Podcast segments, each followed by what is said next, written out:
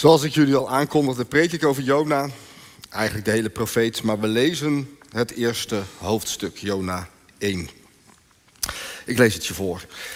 Eens richtte de Heer zich tot Jona, de zoon van Amittai.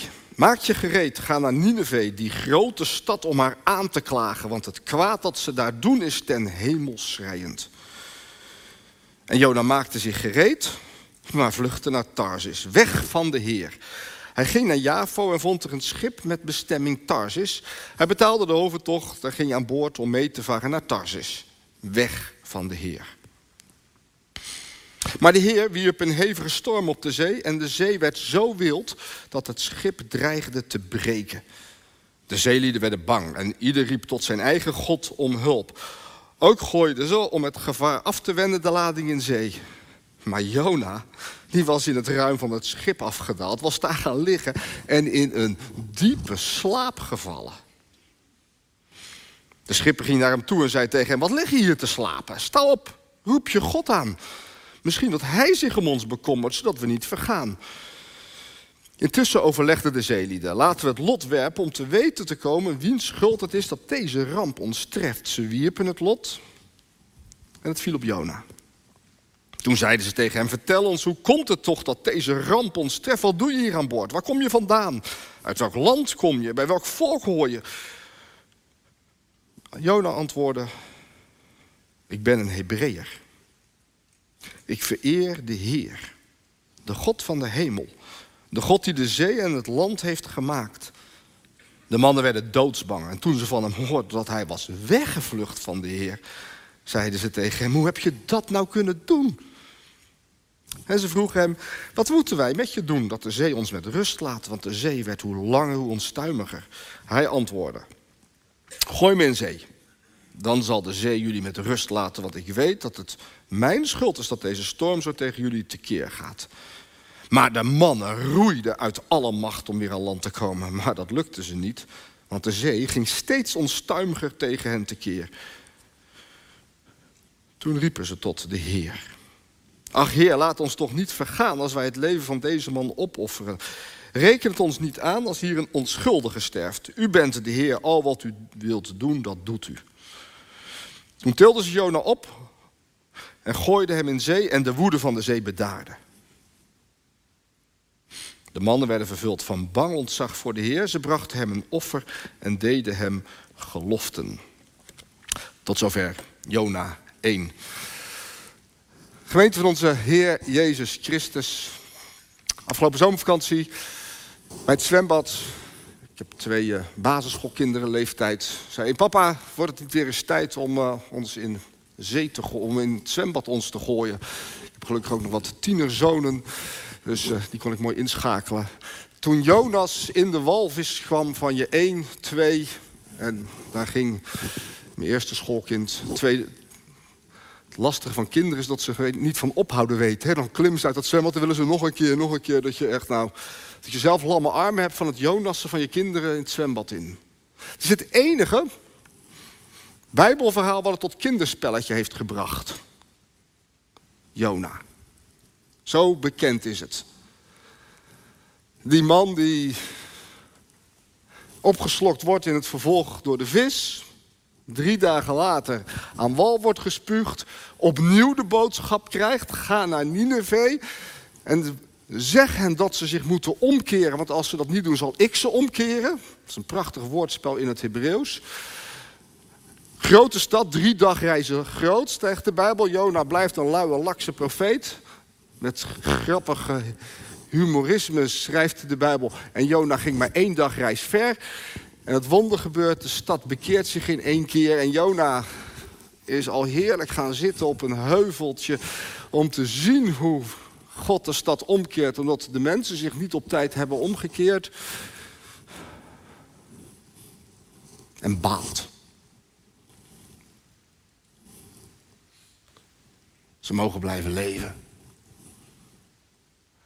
En God laat een wonderboom opgroeien, zodat Jona lekker in de schaduw kan zitten. Daar geniet hij één dag van. S'nachts komt er een worm, die vreet de wonderboom aan, of de wortels, dat die verdort. En is Jona nog kwader.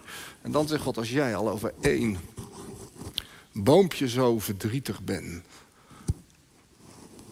En ik kijk naar die hele stad. Dat is toch logisch dat ik wil dat ze zich omkeren, zodat ik ze niet hoef om te keren. Dat is het verhaal van Jona. Kennen jullie allemaal. Dan heb ik voor jullie vanmorgen vijf dingen eruit gehaald die je zou kunnen leren van Jona. Vijf dingen. We gaan een beetje in tempo door, anders redden we het natuurlijk niet. Eerste. Het, meest, het eerste wat heel erg opvalt in het Bijbelverhaal van Jona is de kracht van God in de natuur. Tot vijf keer toe grijpt God direct in in de natuur. Deze vijf keer. Het staat ook, heel mooi vertaald in deze vertaling. En God werpt een storm op het water. Zo staat het er letterlijk. Alsof hij de watergenerator een beetje de Truman Show-achtig, als je die film ooit eens hebt gezien. We gaan er nog even. Truman wil ontsnappen en de, de, grote regisseur die zet de windgeneratoren nog even wat harder aan. Dat, dat is letterlijk het verhaal wat er hier staat. Hè? Nou, dan hebben we die vis die precies op het goede moment hop, Jona opslokt. Nou, dan is dat een beetje raadselachtig hoe Jona drie dagen in een vis kan overleven. Dat zouden de meeste mensen niet redden. Dus daar moet ook iets bijzonders zijn gebeurd in die vis. Dan wordt hij op, precies op het goede moment op de goede plek aan wal gespuugd. Dat is de derde keer. Dan zorgt God dat precies waar Jona zit er een wonderboom opschiet. En vervolgens komt er precies op tijd, alsof God een soort joystick heeft, een worm aangekropen die s'nachts die wortel van die wonderboom opvreet. Tot vijf keer toe grijpt God heel direct in in de natuur. Dat is kennelijk wat God kan. Ik weet niet hoe het zit. Ik vind dat, zo het lastigste onderdeel van de preek, zal ik eerlijk zeggen. Want dit is nogal een ding natuurlijk, hè? Want als God nou daar die zee werpt, die storm op de zee werpt. En waarom zorgt hij dan nu niet voor dat orkanen niet her en der aan land komen? Dat er geen aardbevingen zijn? Als God die macht heeft, waarom merken wij daar dan soms zo weinig van? Dus dit confronteert mij met heel erg de vraag: hoe zie ik God en zijn macht ten opzichte van de schepping? Nou, ik denk dat we dit maar vooral moeten doen: God aanbidden om zijn macht in de natuur. Hoe dat dan verder zit, ja, ik vind het echt een heel lastig ding. Maar wat hier in de Bijbel over Jona beschreven staat, zie ik zo weinig en veel te weinig wat mij betreft. Dat is de eerste. Je ziet, we houden het tempo er een beetje op. Tweede, en dat is toch wel het mooiste van Jona. God is toch wel ongelooflijk genadig, hè? Echt. Nineveh, laten we daar eens beginnen. Nineveh, dat was de hoofdstad, of een van de hoofdsteden moet je eigenlijk zeggen, van het Assyrische Rijk. Willen we het vandaag vergelijken, dan zouden we zeggen het zijn Taliban. Dat is een beetje de categorie. Dat waren echt ongeveer de grootste moorddadige legers uit die tijd.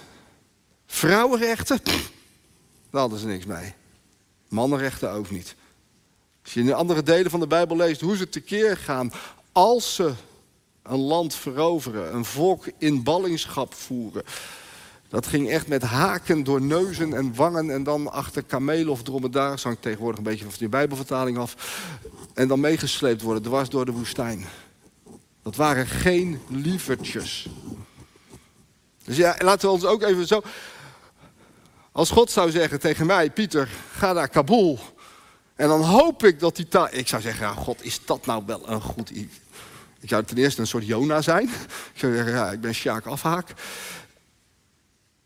Maar ik zou het ook wel fijn vinden als die Taliban een lesje zouden leren. Laten we wel wezen, zou toch prettig wezen? Als de vrouwen daar weer normaal over straat konden in kleren die ze zelf prettig vinden. En niet hun baan zou worden afgepakt. Maar Gods genade is dus veel groter dan ik ooit kan bedenken. Hij wil zelfs die Taliban bekeren. Hij wil zelfs Nineveh niet omkeren, want hij hoopt dat ze zich bekeren. Gods genade is zo groot. Ook voor Jona zelf. Hè. Heel mooi detail in de tekst van Jona is dat Jona 3 precies hetzelfde begint met als Jona 1. En weer kwam het woord van God en opnieuw richtte de Heer zich tot Jona. Maak je gereed en ga naar Nineveh, die grote stad, om haar aan te klagen. En Jona maakte zich gereed en ging naar Nineveh. Prachtige herhaling in de Bijbel tussen Jona 1 en Jona 3, die heel duidelijk maakt de onuitsputtelijke onuitsprekelijke genade van God. Zelfs Jona krijgt een tweede kans. Zelfs jij en ik mogen telkens weer opnieuw beginnen. Het is niet voor niets. Martine, Martine was, die herhaalde dat al aan net. Dat als we iets van de Heer Jezus willen snappen, dan legt de Heer Jezus zelf het verband met Jona. Fariseeën komen om een teken te vragen. En, Jona, en de Heer Jezus zegt, jullie krijgen geen teken behalve als je naar Jona kijkt. Want Jona was drie dagen in het land van de dood. De zee, het diepste van de zee, is het land van de dood. En werd daarna uitgespuugd door de dood om het leven uit te delen aan de mensen in Nineveh. Dat is het teken waarbij je iets kan snappen van wat de Heer Jezus kwam doen. De Heer Jezus was drie dagen in het land van de dood. En na drie dagen werd hij opgewekt om ons het leven uit te delen. Zo groot is de genade van God. Als je iets van Jona kan leren, dan is het wel de grootheid van de genade van God. Zelfs Jona mag opnieuw beginnen, zelfs ik mag leven in het land van God, omdat de Heer Jezus drie dagen in de dood was. De zee is het land van de dood. Dat geeft ook een diepere betekenis aan die verhalen van de Heer Jezus over de zee. Even tussendoor dan. Als de Heer Jezus over het water loopt, dan loopt hij over het water. Maar dan loopt hij ook over het kwaad heen. De Heer Jezus is sterker dan al het kwaad. Als de Heer Jezus bij de storm op het meer, als het natuurlijk een herhaling is van het verhaal van Jona, zoals God op gebed van, Jona, of van de matrozen de zee tot bedaren laat brengen, zo doet de Heer Jezus dat op het gebed van de leerlingen. De Heer Jezus is sterker dan het kwaad, dan de dood. Hij ondergaat het om Gods genade aan jou en mij uit te delen.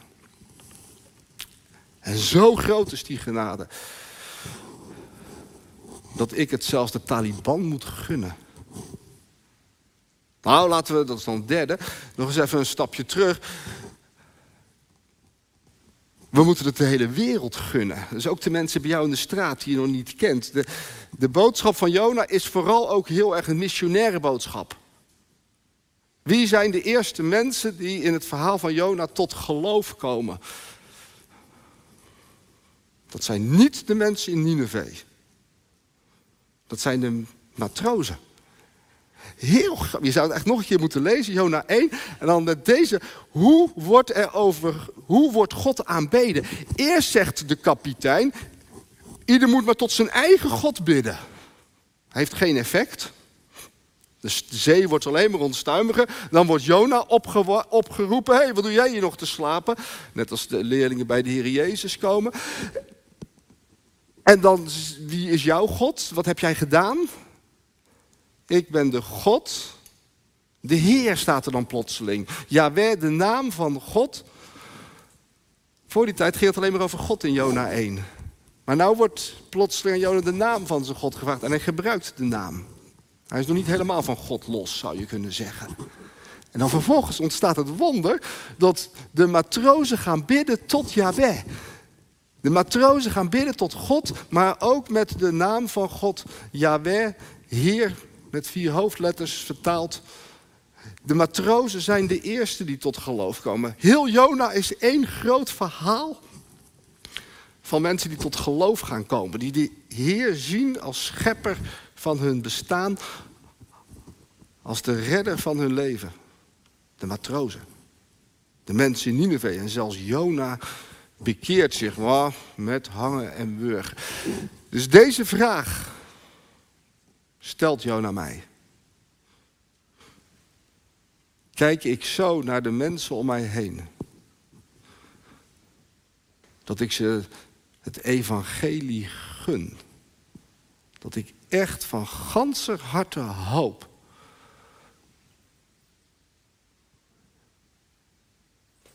dat ze zich bekeren voor God ze gaat omkeren.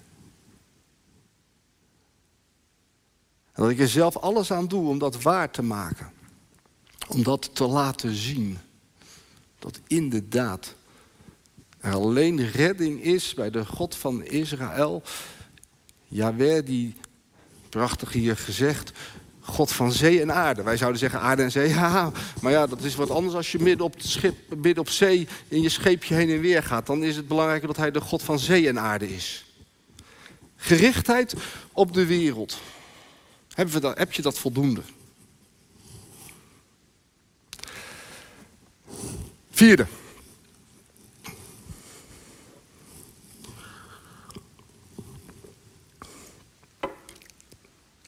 Jona die uh, luistert nou niet echt naar de stem van God. En Jona maakte zich op en vluchtte precies de andere kant op. Beetje, beetje dom, hè? je kunt heel mooi Psalm 139 naast Jona leggen. Zelfs in het diepst van de zee, voorbij de, in de buitenste duisternis, daar nog ziet u mij. Nou, Jona snapt dat nog niet zo goed. Luistert niet zo goed naar God. Maar doe, doe ik dat wel dan? Net al, als God mij zou roepen om naar Kabul te gaan, zou ik Jona de tweede worden. Gelukkig roept God mij daar tot nu toe niet voor. Maar ook in al die andere dagelijkse vragen van het leven is het de vraag of ik echt wel luister naar de stem van God. Jona is ontrouw aan zijn roeping. Daarin past Jona trouwens helemaal in de Bijbel. Hè? De Bijbel is het verhaal van de mislukte heilige. Of het nou David is die overspel pleegt. Abraham die naar de farao gaat en liegt dat, zijn, dat Sarah zijn zus is. Of Petrus die de Jezus verlogent. Alle grote namen in de Bijbel zijn ongelooflijke, onheilige heiligen. Jona past in het rijtje. Maar confronteert mij met de vraag of ik wel echt luister naar de stem van God echt openstaan voor wat God nu tegen mij wil zeggen. Of dat ik dat het liefst vergeet in al die herrie in het dagelijkse leven om mij heen. Of ik de zachte fluistering van Gods stem echt wel wil verstaan. Misschien gaat het wel hierom. Dat wij de Jona in onszelf leren zien. Die net zo koppig en halstarrig zijn eigen gang gaat en weg bij God vandaan loopt. Ik ben een Jona. En jij misschien toch ook wel.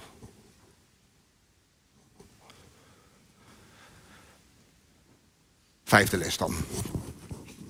Vijfde. Jona. Jona 2 is het meest onbekende stuk van Jona. Toen ik net het verhaal samenvatte, heb ik Jona 2 ook overgeslagen. Jona 2 is namelijk het danklied van Jona, waarbij hij allerlei psalmen aan elkaar rijgt. De psalm van Jona, dat is Jona 2, staat niet zo integraal in de Bijbel. Maar uh, heb je een Bijbel met kruisverwijzingen erbij, dan zie je bij elk vers een andere psalm staan. Psalm 120, psalm 69, dat zijn de hofleveranciers van de psalm van Jona. En als je die leest, die psalmen waar Jona naar verwijst, dan zijn dat psalmen die God danken voor de redding. Dat is echt wel heel bijzonder. Dat is echt een hele belangrijke geestelijke les die wij van Jona kunnen leren in Jona 2. Jona zit nog in de penarie. Want hij zit in het binnenste van de zee.